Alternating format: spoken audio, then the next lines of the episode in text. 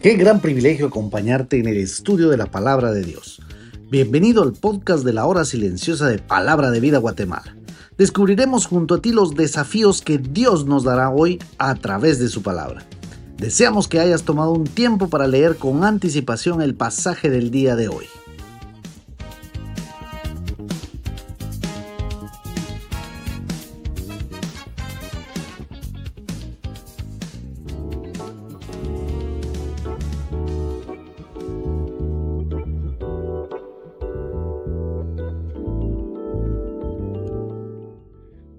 Buenos días, mi querido amigo, mi querido hermano.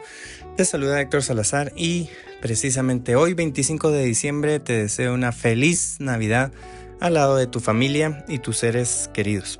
Antes de iniciar el podcast de hoy, quisiera hacer una oración especial.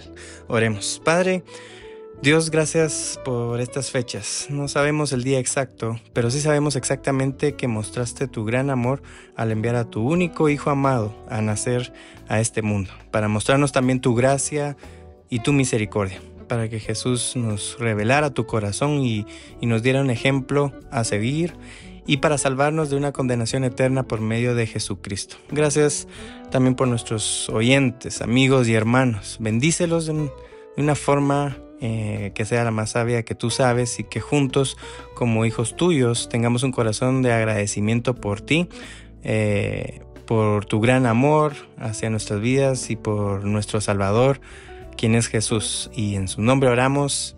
Amén. Eh, ahora entrando en nuestro podcast y haciendo un leve cambio de pasaje, leo en la Biblia de las Américas nuestro pasaje en Josué capítulo 21, el versículo 43 a Josué capítulo 22, versículo 9. Y la palabra de Dios dice así. De esa manera el Señor dio a Israel toda la tierra que había jurado dar a sus padres y la poseyeron y habitaron en ella. Y el Señor les dio reposo en derredor, conforme a todo lo que había jurado a sus padres, y ninguno de sus enemigos pudo hacerles frente. El Señor entregó a todos sus enemigos en sus manos. No faltó ni una palabra de las buenas promesas que el Señor había hecho a la casa de Israel. Todas se cumplieron. Entonces Josué eh, llamó a los rubenitas, a los gaditas y a la media tribu de Manasés y les dijo, habéis guardado todo lo que Moisés, siervo del Señor, os mandó y habéis escuchado mi voz en todo lo que os mandé. Hasta el día de hoy no habéis abandonado a vuestros hermanos durante este largo tiempo, sino que habéis cuidado de guardar el mandamiento del Señor vuestro Dios. Y ahora el Señor vuestro Dios ha dado descanso a vuestros hermanos, como él les había dicho. Volved pues e id a vuestras tiendas, a la tierra de vuestra posesión que Moisés, siervo del Señor, os dio al otro lado del Jordán. Solamente guardad cuidadosamente el mandamiento y la ley que Moisés, siervo del Señor, os mandó, de amar al Señor vuestro Dios, andar en todos sus caminos, guardar sus mandamientos y de allegarse a él y servirle con todo vuestro corazón y con toda vuestra alma. Y Josué los bendijo y los despidió y se fueron a sus tiendas. Moisés había dado a la media tribu de Manasés una posesión en Basán, pero a la otra media tribu Josué dio una posesión entre sus hermanos hacia el occidente, al otro lado del Jordán. Y cuando Josué los mandó a sus tiendas, los bendijo y les dijo, volved a vuestras tiendas con grandes riquezas, con mucho ganado, con plata, oro, bronce, hierro y con muchos vestidos. Repartid con vuestros hermanos el botín de vuestros enemigos. Y los hijos de Rubén y los hijos de Gad y la media tribu de Manasés volvieron y se separaron de los hijos de Israel en Silo, que está en la tierra de Canaán, para ir a la tierra de Galad, a la tierra de su posesión, la cual ellos habían poseído, conforme al mandato del Señor por medio de Moisés. Mencionando un poco el contexto en este momento del capítulo 21 de Josué, ya Israel había terminado de conquistar la tierra de Canaán. Fueron varios años de guerras y conquistas, pero finalmente ahora podían tomar posesión de toda la tierra que Jehová había jurado dar a sus padres, a sus antepasados, como dice el versículo 43. Y aquí viene lo que llamó mi atención. En versículo 44 del capítulo 21 y en capítulo 22, versículo 4, eh, la Biblia Reina Valera 60 usa una misma expresión. Dice les dio reposo.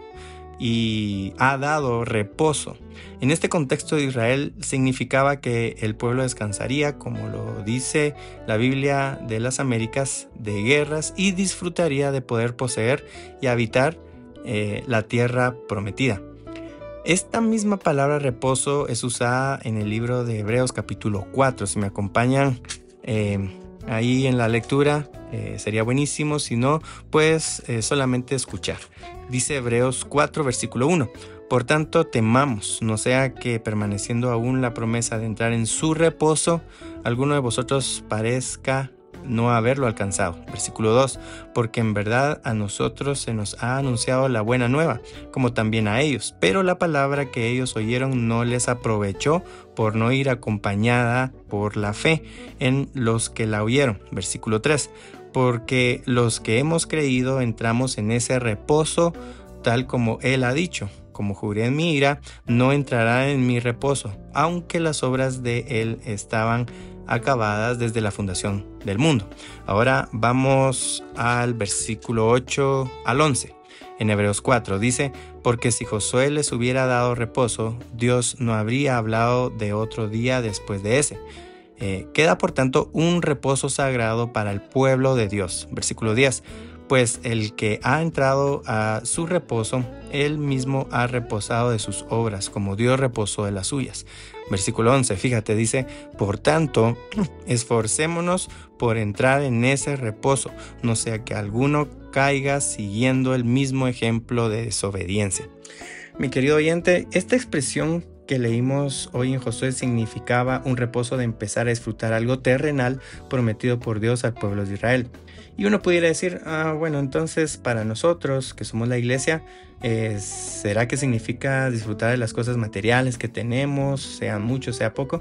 Y, y no, para nosotros significa algo más. Incluso pensando desde el nacimiento de Jesús, lo que cada creyente en Jesús, que es parte de la iglesia, no del pueblo de Israel, disfruta, es el reposo que leemos en Hebreos. Es un tipo de reposo o descanso, pero espiritual. Es un reposo que como dice em, el doctor Charles Ryrie en su Biblia de estudio, se refleja en una completa confianza en las promesas de Dios y una completa rendición a su voluntad.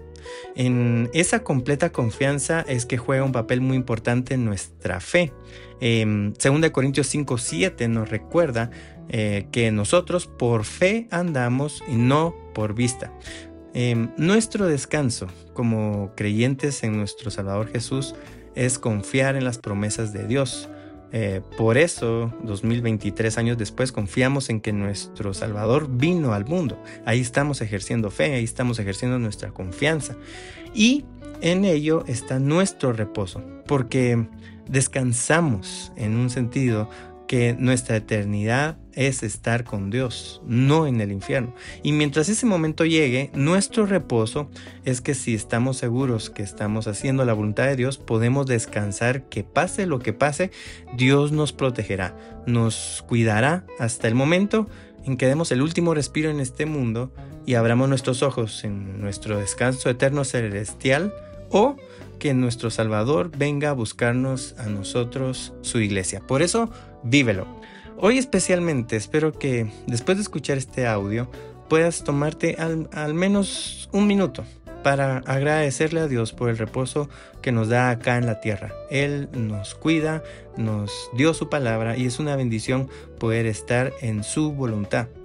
Y también agradecer por el reposo futuro celestial, eh, porque nos espera una eternidad con Él en un lugar donde no habrá muerte, ni habrá más llanto, ni clamor, ni dolor, como nos dice Apocalipsis 21, 4. Entonces, esfuérzate por entrar y mantenerte en el reposo de Dios para tu vida.